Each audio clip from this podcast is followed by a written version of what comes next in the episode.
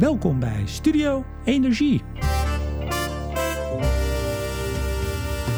Al jaren wordt er aan het plan gewerkt en nu, na een beoordeling door Berenschot, lijkt de uitvoering een stap dichterbij. De bouw van een OPAC, een ondergrondse pomp-accumulatiecentrale, oftewel een waterkrachtcentrale voor de grootschalige opslag van elektriciteit.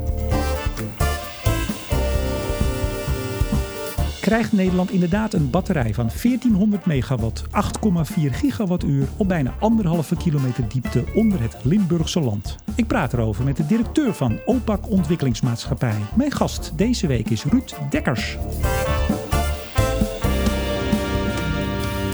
En op deze uitzending wordt weer mede mogelijk gemaakt door energieleverancier De Nutsgroep, Team Energie van Ploemadvocaat en Notarissen en netbeheerder Stedin.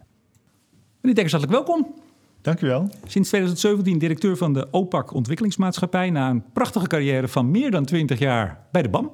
Wat dacht u? Ik, ik ga maar eens aan een dood paard trekken. Nou, nee, helemaal niet. Helemaal niet. Eh, wat ik dacht, ik werd benaderd door uh, Jan Heijnen, de founding father van, uh, van OPAC. En die vroeg me of ik, of ik actief wilde worden voor, voor OPAC. Om, om het projectteam te leiden. En ik heb dat destijds bestudeerd, dat was eind 2016. En uh, uh, heb toen bedacht van de tijd is rijp. En uh, na, er zijn natuurlijk uh, twee eerdere pogingen geweest om het in de markt te zetten. Wel meer, dacht ik. Ja, drie zelfs. Maar... er wordt al heel lang aan gewerkt. Jaren ja, 80, hè? Ja, jaren 80 stamt het project. Maar het was een tijd vooruit. En, uh, en ik denk dat ik gelijk heb gekregen als ik nou de afgelopen 2,5 jaar kijk wat er aan ontwikkelingen zijn. Dan zijn we precies op het punt ja, dat de OPAC echt van nut is met alle investeringen in zon en wind. Ja, de studie van Berenschot gaan we het straks ja. uitgebreid over hebben. Uh, in opdracht van de topsector energie en RVO. Mart van Bracht van ja. de topsector energie. Die zei in persbericht wat uh, uh, het vergezelde. dat er veel sceptisch is rond de OPAC. Waarom is dat?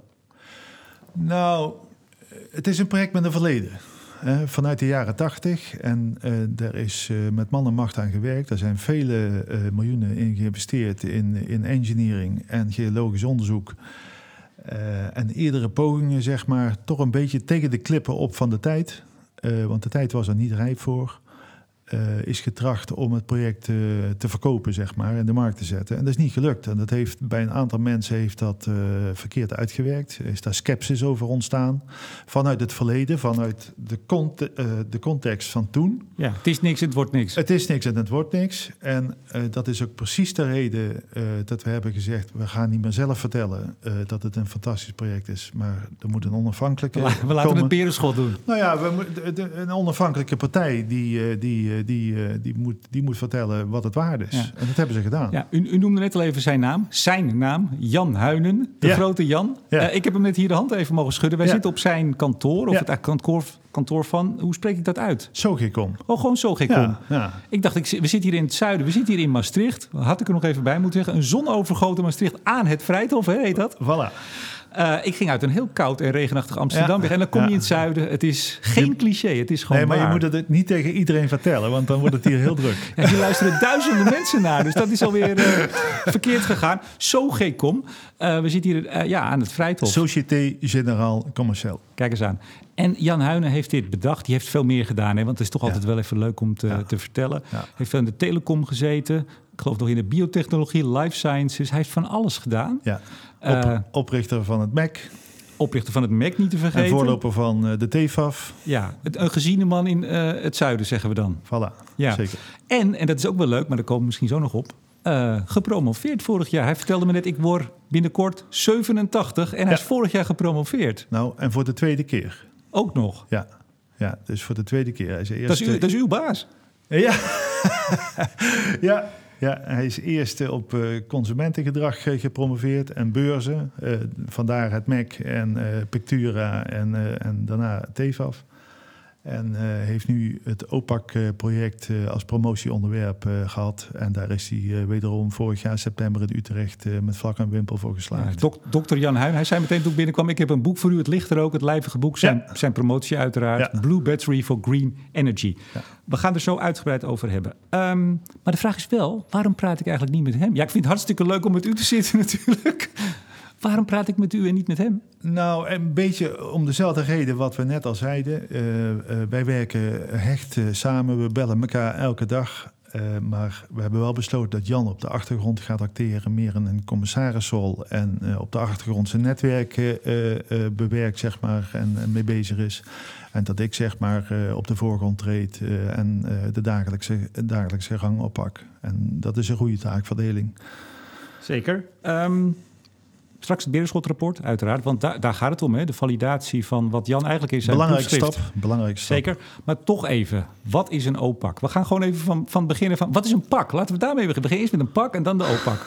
Ja, een pompaccumulatiecentraal. Het is, een, ja, het is eigenlijk een vreselijke naam. Hè. Marketingtechnische, het uh, OPAC staat voor ondergrondse pompaccumulatiecentrale.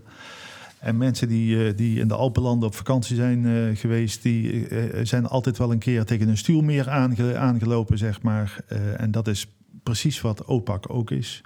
we hebben een bovenreservoir en een pijp naar beneden, waar het water naar, naar beneden loopt.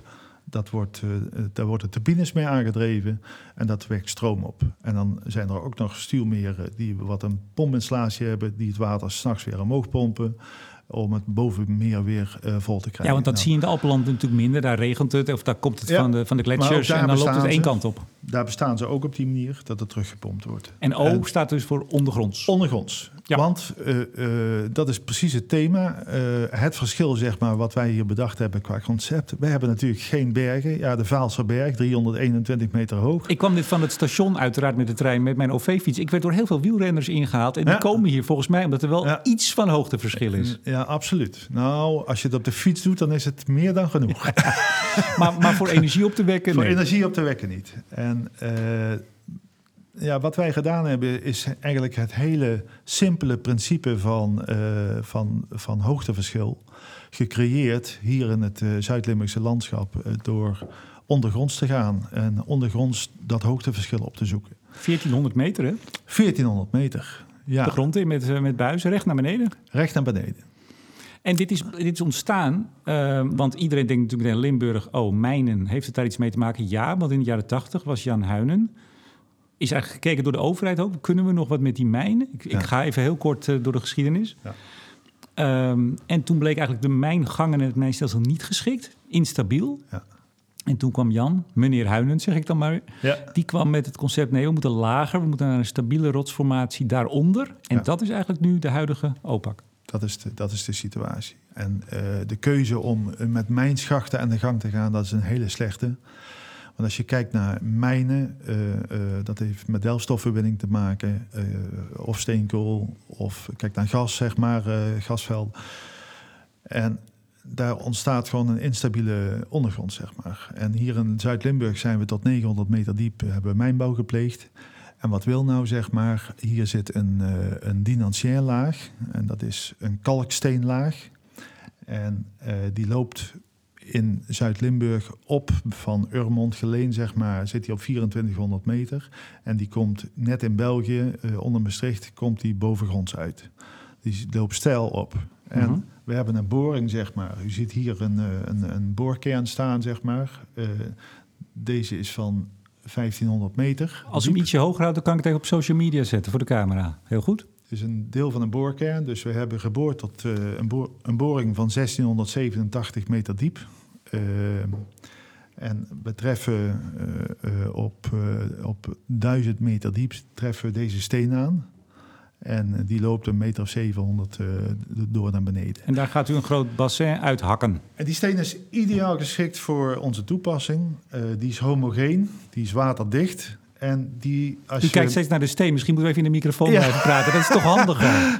kijk, kijk mij maar aan. En als je, naar, uh, als je hier met uh, boorfirma's uh, praat, zeg maar, civiele partijen die dit soort werk doen, die krijgen hier een hele grote glimlach van op, de, op het gezicht. Vinden ze leuk? Want dat is niet de meest harde steen wat ze in de Alpen treffen, met graniet, et cetera dit laat zich veel makkelijker bewerken. Dus de productiesnelheden die zijn veel hoger dan dat ze gewend zijn. Ja, we gaan even voor de luisteraars die het beeld misschien nog niet helemaal hebben. Er komt boven, we gaan het allemaal even langs. Boven komt er een, een meer, een bassin, waar water in zit.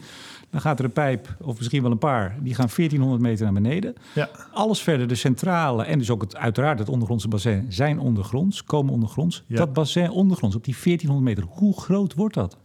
net zo groot, zeg maar, theoretisch, het zal iets, iets afwijken, maar zeg maar voor het gemak net zo groot als het bovenbassin. Hoe groot wordt het bovenbassin? 2,5 miljoen kub, kubieke meter is, het, uh, is nu het ontwerp. En, en, en, maar toch even, gewoon even, even afmetingen, ja, afmetingen, En dat zal het niet worden, maar je hebt een bovenmeer van 500 bij 500 meter en 10 meter diep.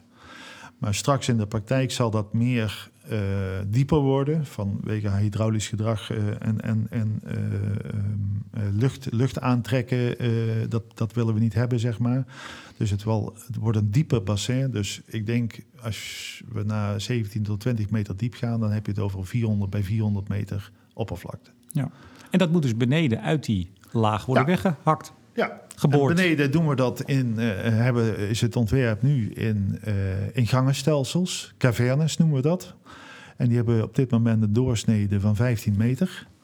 En uh, naar twee kanten een, of een, een hoofddistributiekanaal hebben we waar aan twee zijdes cavernes uitlopers aan zitten.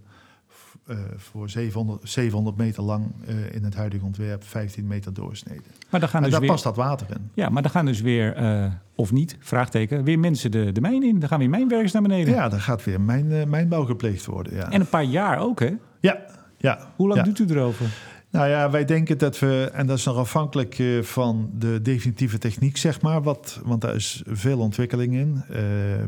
een van de bepalende factoren u moet zich dat voorstellen, dat is een enorm bedrijf, dat, die mijnbouw, wat daar beneden moet plaatsvinden. En ook groots. Daar wordt met, met dumpers, met hele grote vrachtauto's, wordt daar beneden gereden, met laadschoppen. Maar hoe krijg je zo'n vrachtwagen beneden? Ja, via een schacht.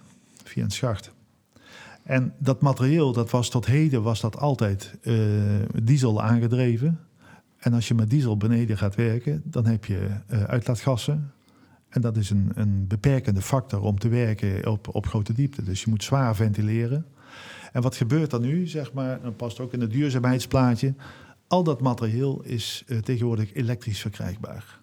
Dus de beperkende factor van uh, ventileren, uh, die is een stuk minder geworden. Ah, ja. Waardoor je dus sneller kunt bouwen. Meer bouwstromen, meer materieel naar beneden kunt brengen. Ja om sneller te bouwen. Maar we zitten nu al heel erg in de, in de, in de details. Maar, maar toch even een paar jaar gaan daar... Uh, hoeveel mensen aan de slag? Wat, hoe moet ik me dat voorstellen? De, uh, de planning is nu, zeg maar, zoals ook met marktpartijen bepaald... dat er 5000 man jaar uh, werk in zit. Vijf of 15.000? Heb ik dat ook ergens gezien of is het 5000? 5000 man, arbeidskrachten zijn er zeven jaar actief. 5000 mensen, zeven jaar? Ja. Dat is heel veel. Ja. En, dan, en wat hebben we dan? Dan hebben we een centrale van 1400 megawatt. Als goed is. 1400 megawatt, ja. Ja. ja. En, dat is... en, en die heeft een opslagcapaciteit van 8,4 gigawattuur. Ja. ja. En dan kunnen we dus op vol vermogen 6 uur opslaan, elektriciteit. Want daar gaat het natuurlijk om. Het gaat om het opslaan van elektriciteit. Hebben we het al gezegd? Ik geloof niet, hè? Nee, nog niet. Nee. nee we gaan... Waarom legt u de OPAC aan? Wat moeten we met dat ding? Nou ja, wij zijn uh, natuurlijk in Nederland en in Europa zijn we heel hard aan het investeren in zon en wind. Uh, dus productie van duurzame energie met zon- en, en, en, en, en, en windturbines. Alleen als de zon niet schijnt en de wind niet waait, dan moet niet het licht uitgaan in Nederland. En dus wij moeten een opslagmogelijkheid hebben voor als dat gaat gebeuren. En daar is een OPAC voor. Ja, en waterstof. En er zijn nog een aantal andere. Hè? We komen zo wel op dat dit goedkoper is. Ik verklap hem maar vast, want daar bent u trots op, hè? ja. Nou, er zijn er veel dingen trots, ja. Ja, precies. Uh, dit, dit, is dus hè, op het moment dat de, dat de stroomprijs laag is, dan, uh, dan, dan, pomp je het water omhoog. En op het moment dat de prijzen hoog zijn, dan laat je het vallen en genereer je stroom. Ja. Dat is eigenlijk het principe. Zo is het. Um, hebt u het al een plek op het oog? Ja.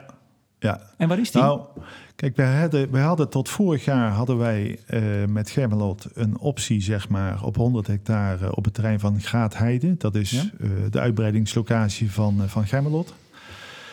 En wat ik net zei over, die, over dat verloop van die, van die laag. Wat bleek nou? Onder Graatheide zit hij op min 2400 meter is een beetje dus te diep, hè? Het is veel te diep. Dus dat betekent dus, daar kun je wel een bovenmeer aanleggen. Dan moet je vervolgens horizontaal gaan verslepen naar de locatie waar die op 1200 meter zit, zeg maar. Nou, toen hebben we gezegd van nou, zijn er in het gebied waar die op 1200 meter zit, zijn daar niet betere locaties te vinden. Nou, dat hebben we onderzocht met rentmeesters hier in het, uh, in het lokale gebied. En wat blijkt, er zijn zo vijf, zes uh, plaatsen aan te wijzen op agrarisch gebied waar uh, dit ge gepositioneerd kan worden. Nou, zover zijn we op dit moment met locatiekeuze. in een volgende fase, dan moeten we daar keuzes gaan maken. En die keuzes die hangen af van nader geologisch onderzoek wat er moet plaatsvinden. Dat is een van de belangrijkste dingen voor de vervolgfase. Dat wij zeker weten dat de locatie waar we naar beneden gaan, dat daar de juiste steen zit. Dat er geen scheuren in de grond zitten. Want, uh, dat, U moet dat proefboren. Is, wij moeten proefboren is één en seismisch onderzoek doen. Ja. En seismiek, daar zijn we goed in in Nederland. Daar zijn we hartstikke goed in. En daar is geavanceerde uh, techniek voor tegenwoordig. Dat, veel ontwikkeling, 3D-seismiek die een uitermate uh, gedetailleerd beeld geven van de ondergrond. In zijn proefschrift uh, schreef Jan Huinen dat de efficiency, de, de totale efficiëntie hè, van laten vallen en weer terug, tussen de 70 en 85 procent ja. zou zijn. Ja. Berenschot komt op, houdt 80 aan, maar goed, Ja. dat, dat heeft zij. Ik vroeg me af, die 70 tot 85, waarom zit daar zo'n bandbreedte in? Ja, dat heeft met. eh, kijk, het is een systeemrendement. eh, en dat systeemrendement dat bestaat bij ons uit pompen en turbineren. En dat samenspel, daar, daar zit in de, in, de, in de pompeigenschappen en in de turbine-eigenschappen, in het samenstel daarvan, daar zit er een variantie in, zeg maar. Dus wij zijn gemiddeld uitgegaan van 80%. En dat is een van de winstfactoren, zeg maar, ten opzichte van andere techniek. Eh, Denk aan waterstof. Hè. Uh, waterstof zit op dit moment op een rendement van 36 procent. Dat is natuurlijk wezenlijk anders. Wij geloven trouwens wel dat ook waterstof uh, van belang is in de, voor de toekomst. Zeker van belang. Uh, wij geloven echt in een mix van, van oplossingen, zeg maar, die het duurzame systeem moeten vol, ver volmaken. Ja, want u zit vooral in het kortcyclische en Ja. waterstof is interessanter voor het midden- en lange Absoluut. cyclische. En voor EV, wat, er, wat, veel, wat veel energie gaat vragen.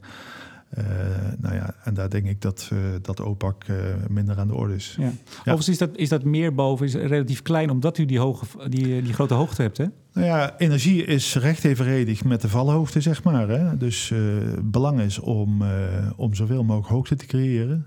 En daardoor hebben we een relatief klein, kleine hoeveelheid water nodig. En die hoeveelheid water, het is een gesloten systeem. Dus we pompen water alleen maar rond uh, dus we hebben wel een aansluiting nodig, bijvoorbeeld op het Julianenkanaal.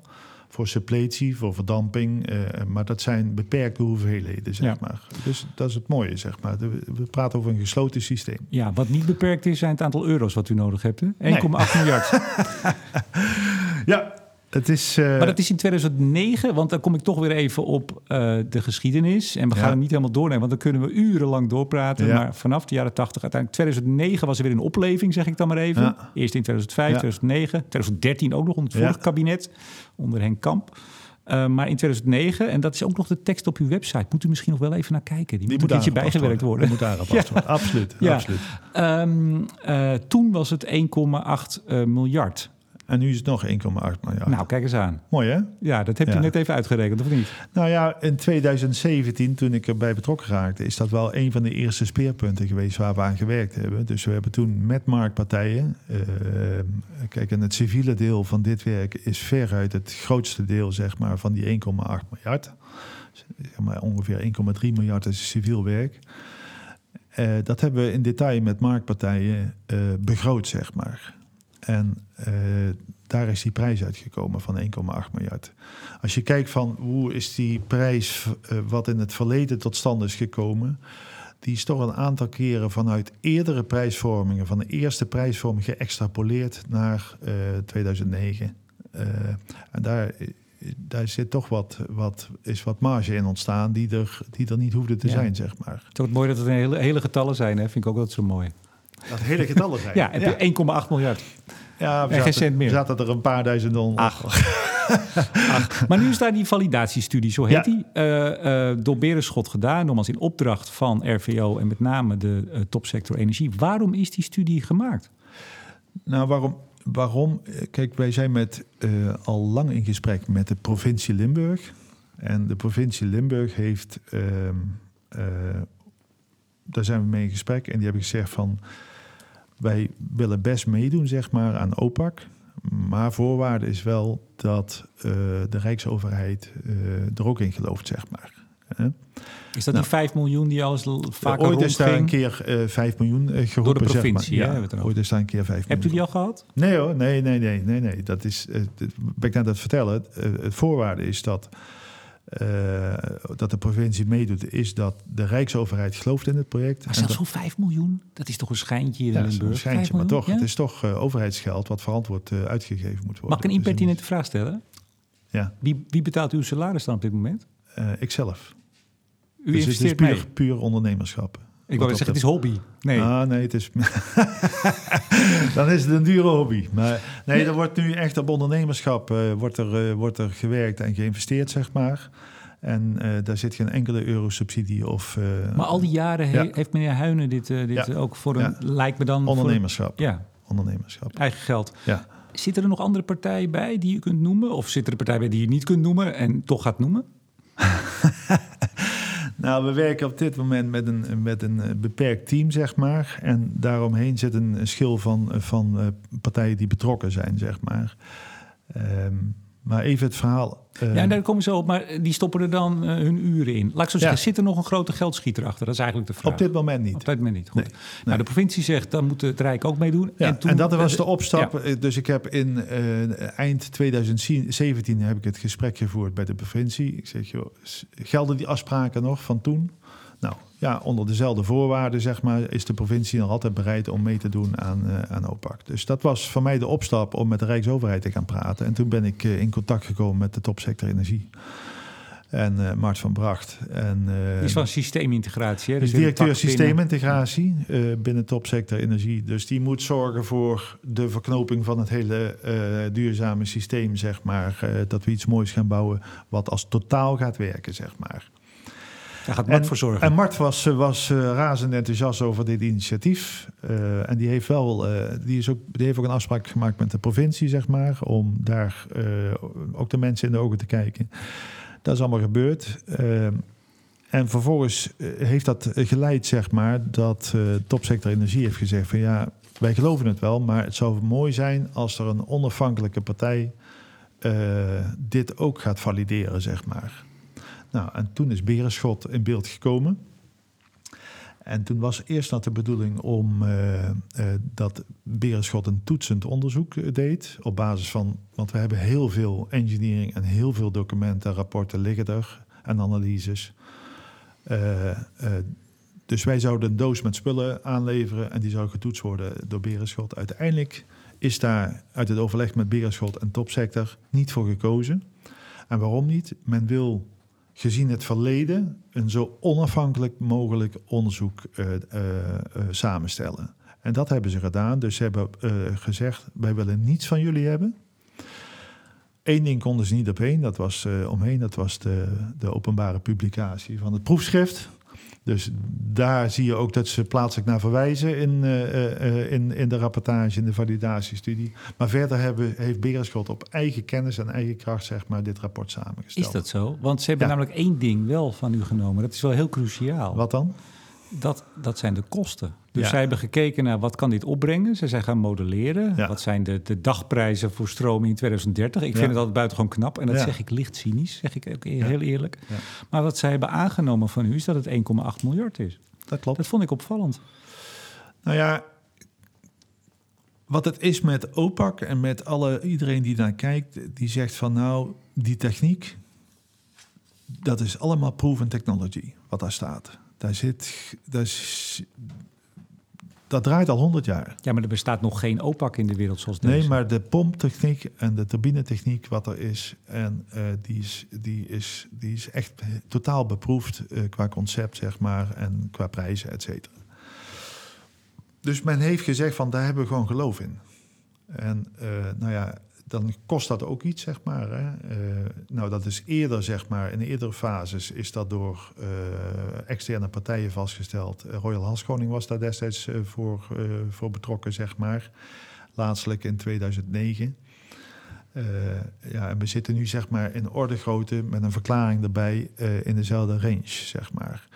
En dat heeft uh, ertoe geleid dat, we, dat Berenschot heeft gezegd en Topsector heeft gezegd... we gaan de kosten en de techniekkant even laten rusten. Uh, we kijken naar de opbrengstenkant, want daar zit uh, de onzekerheid en de volatiliteit van... hoe zich dat gaat handhaven ten opzichte van andere technieken die in de markt komen... Uh, kom je dan wel aan bod. Ja. Want dat is hoe de markt werkt. Je zit met een meritorder uh, waar je in moet passen en waar je, waar je concurrerend in moet ja. zijn. Nou, nou heeft uh, Berenschot naar de opbrengsten gekeken. Wat kun je verdienen met zo'n OPAC? En kom je dan uit de kosten? zij komen op even grofweg 90 miljoen per jaar. meneer Huinen die zat op 186 miljoen. Ja. u lacht al. uh, ik, ik, wil maar zeggen, uh, nee ja, ik moet u dat uiteraard vragen, want uh, zij komen op de helft van wat hij geraamd heeft. Het zou verklaarbaar, ook, verklaarbaar. Prima. Het zou misschien ook nog kunnen dat meneer Huinen en u met al die adviseurs, die misschien het ook hartstikke leuk vinden om mee te doen, de kosten wel de helft te laag hebben geschat. Dat het 3,6 miljard is. En dan is de hele business case die nu misschien uitkomt en nagenoeg kostendekkend, nee, zegt nee, Berenschot. Nee, nou jawel, nagenoeg kostendekkend. Ja, ja, ja. ja. Nou, die valt dan weg naar niet kostendekkend. Dus die 1,8 miljard die ze aannemen van u, dat is cruciaal. Daar hebben we, toch we komen straks nog even op dat modelleren van de energieprijs, de stroomprijs in 2030 hoor. Want daar moeten we ook maar van aannemen dat dat klopt. Maar goed, Allah. Even terug naar de eerste opmerking is het grote verschil wat, uh, wat Jan Heijnen in zijn rapport heeft staan, zeg maar, in zijn promotie heeft staan. Jan heeft een uh, beperkter model gebruikt, zeg maar, uh, met andere randvoorwaarden. En in de wetenschap mag je dat doen, hè? dus als je je randvoorwaarden maar omschrijft, dan. maar dat leidt wel altijd ook tot andere uitkomsten. En dat is daar gebeurd. Maar zou het kunnen zijn dus als er nog een partij wordt gevraagd om dit te doen naast ja, dat er weer een andere nou, uitkomt? sterker nog, we hebben een partij gevraagd. En we hebben een partij gevraagd die al uh, tien jaar bij ons actief is. Dat en wie is, dat? Dat is Ruud Schalij met zijn firma e-risk. En Ruud Schalij uh, heeft een, uh, met e-risk een, uh, een, een, een, modelleert hij de energiemarkt, de Noordwest-Europese energiemarkt. Daar zitten alle productiefaciliteiten in. Hij reageerde op Twitter vanochtend toen ik zag, hij zag dat ik naar u op weg was. Ah, dus dan, ah, fijn. Ja, ja, ja, ja. ja, Dus, maar, maar waar en, komt hij op en, Ruud, en Ruud heeft OPAC met de, nee, heeft het zijn model met de laatste inzichten het klimaatakkoord aangepast. En daar heeft hij OPAC in, in gemodelleerd. En Ruud komt in 2030 uit. Hij heeft twee scenario's gedraaid met hoge alternatieve flexmogelijkheden en lage alternatieve flexmogelijkheden. En die schommelen in 2030 op 100 miljoen. Nou, dat scheelt dus maar 10 miljoen. miljoen naast. Ja, en dat is als je. En, en, wat Ruud ook heeft gedaan, hij heeft doorgemodelleerd tot 2050. Want dat heeft Berenschot niet gedaan. Die hadden de opdracht om alleen maar het meetpunt 2030. Dat is een van de eikpunten eh, in de, in de Parijse akkoorden, zeg maar. Hè. Dus dat was uh, even van belang daar. Maar daarna stijgt die lijn enorm. Hè? Dus wij, wij, wij gaan echt uh, uh, winst maken na die tijd, zeg maar. Maar, maar zonder het, het, model aan. Zonder het werk van Ruud Schalij of van Berenschot of van al die andere partijen die modellen draaien. En ja. die modellen zullen ongetwijfeld kloppen, zeg ik dan. Ja, maar blijf modellen. Precies. Blijf modellen. En ik heb is wel, het is in het rapportje van Berenschot. En er staan allemaal zaken die ze hebben aangenomen. En het hangt natuurlijk van de aannames. Nee, maar ik, u begrijpt mijn vraag, denk ik wel. Het zijn maar modellen, dus hoe, hoe, hard is dit? Want u, u gaat nogal een avontuur aan voor 1,8 miljard, als het lukt. Nou ja, kijk, een avontuur aan. Uh, hebben, nee, het, feit is, het feit is dat we gewoon opslag nodig hebben. Kijk, en Mart van Bracht die stelde ook in zijn commentaar vast: dit is de op dit moment de enige grootschalige mogelijkheid uh, voor energieopslag. Ja, is het groene waterstof waarschijnlijk pas na 2030. Hè? Ja. En u kunt al voort, moeten wel nu snel aan de slag met bouwen en graven. Moeten, maar wij moeten, wij moeten wel een keer aan de gang met elkaar. U kunt sneller zijn dan groene, grootschalige groene zijn voor 2030 in de markt. Bent efficiënter? We zijn uh, dubbel zo efficiënt, zeg maar. Hè? En uh, niet onbelangrijk als je kijkt nu naar oplossingen, want we praten natuurlijk ook met marktpartijen die zeggen: we, ja, ja, ja, we vinden precies wat u zegt, het is wel spannend, hè? Want we investeren op, die, op dit moment liever in batterijen, hè? want dan weten we dat we dat over zes jaar uh, terugverdiend hebben. Ja. Maar het is wel, het is wel een, ik, ik ga ze niet uh, negatief doen, maar het is wel een, een oplossing, zeg maar, die anders in de wereld staat. Als je het hebt over duurzaamheid. Hè? Het is een, vervuilende techniek, zeg maar, met zware metalen in. Uh, het heeft een levensduur van 10 jaar. Uh, dan moet je weer herinvesteren. En ik zou willen oproepen, kijk eens over die tien jaar heen hoe dan de wereld eruit ziet.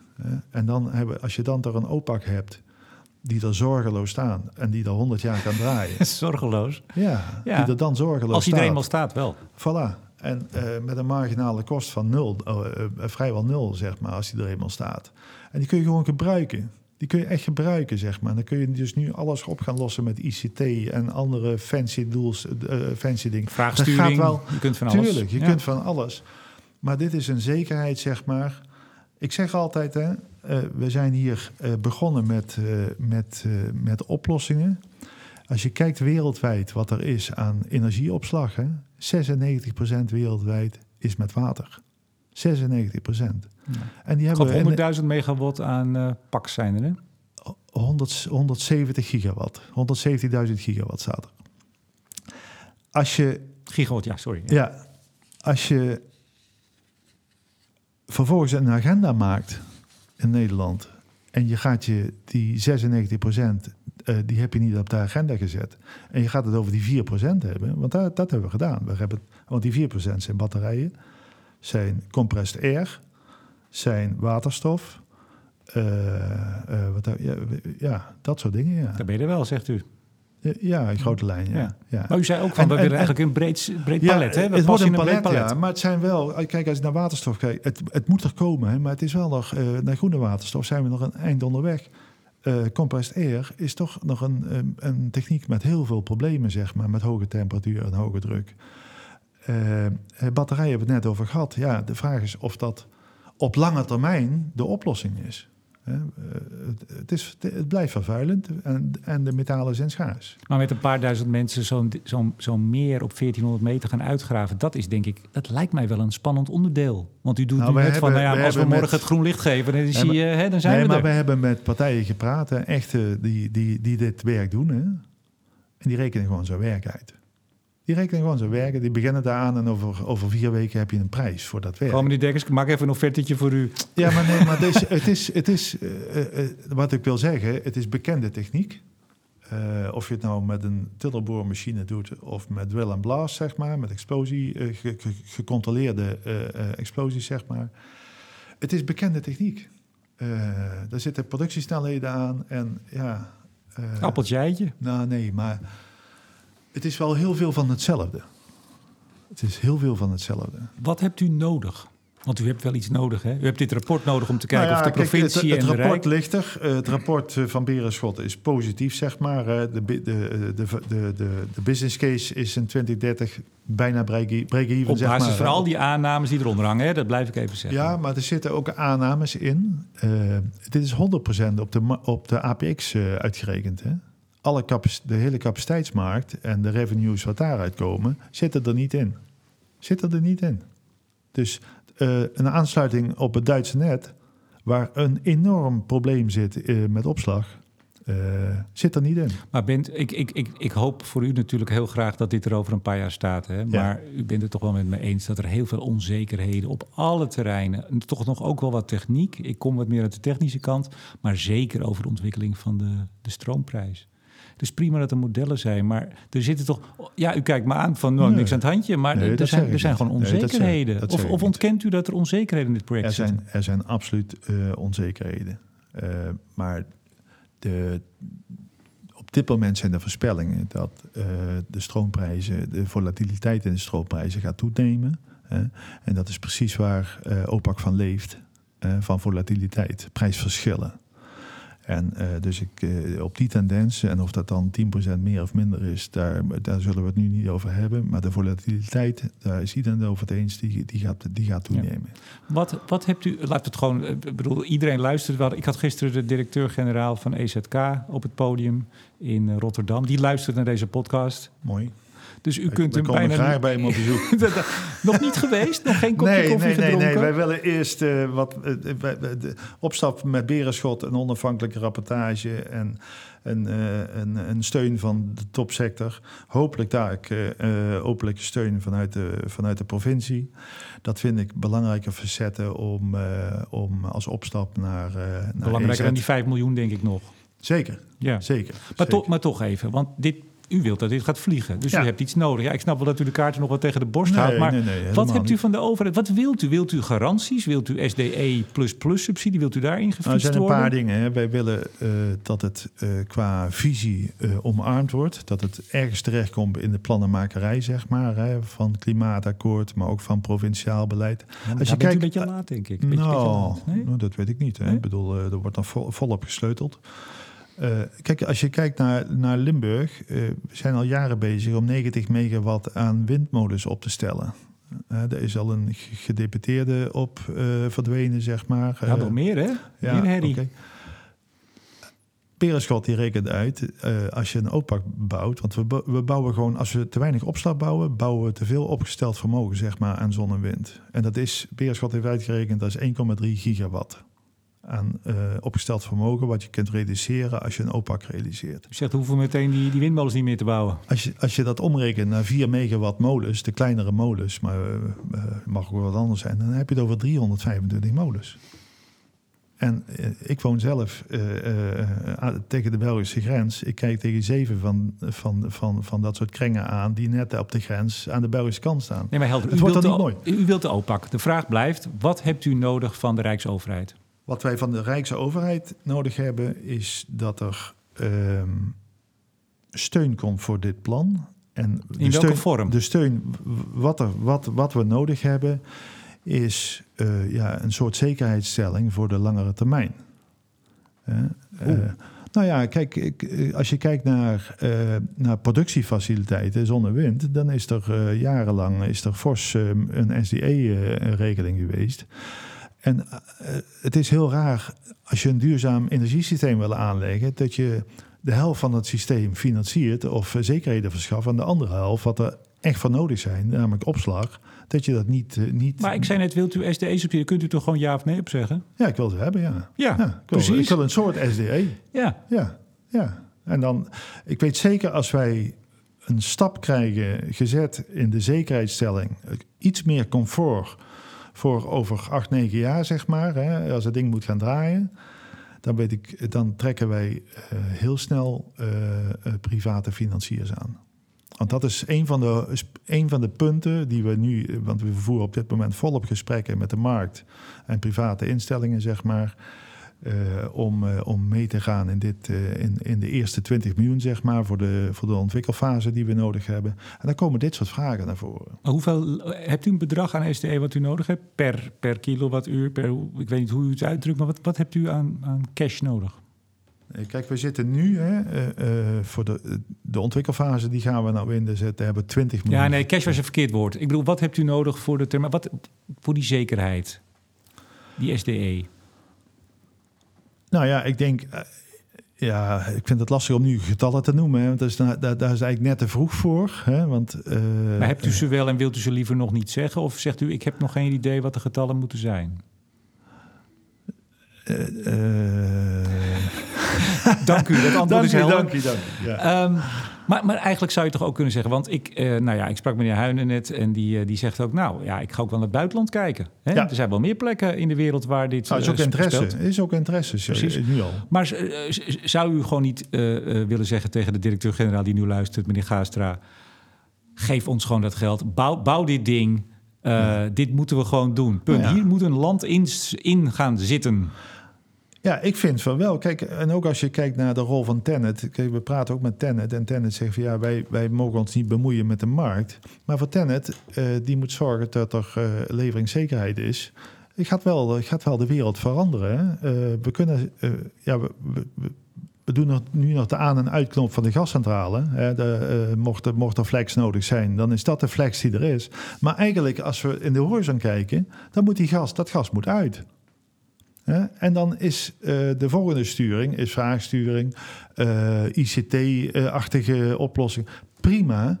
Maar ik zou het toch heel prettig en aangenaam vinden als ik uh, een opak in mijn achtertuin heb liggen. Waar ik van zeker weet, er staat zoveel water bovenin. En als ik op de knop druk, dan is er energie. En zo simpel is het. En dus, dus die, die zekerheid wat een opak biedt, zichtbaar, dat, dat, dat geeft een heleboel comfort ja, voor, voor de zekerheidsstelling van ja. stroomvoorziening. U, u bent toch niet op, hoge, op hoog niveau bij EZK geweest? Hebt u wel contact met politici in Den Haag, met Kamerleden? Of? Ja, er is contact geweest, maar dat is nog te vroeg geweest in, in het klimaatverhaal en de ontwikkelingen wat er nu zijn, zeg maar. Gaat de OPAC er komen? OPAC moet er komen. En ik, uh, ik heb straks verteld, of zo net verteld, dat ik inmiddels 2,5 jaar voor eigen risico in dit plan investeer. Dus ik geloof er vol in, zeg maar. En het gaat er komen.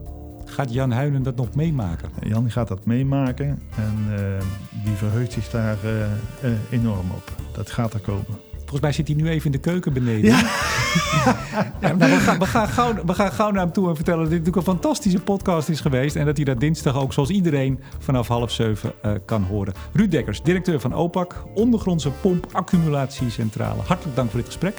Dankjewel, meneer Boer. Ik bedank ook deze week weer energieleverancier De Nutsgroep, Team Energie van Ploem Advocaat en Notarissen en netbeheerder Stedin voor het mede mogelijk maken van deze uitzending. En uiteraard bedank ik jou, beste luisteraar, voor het luisteren.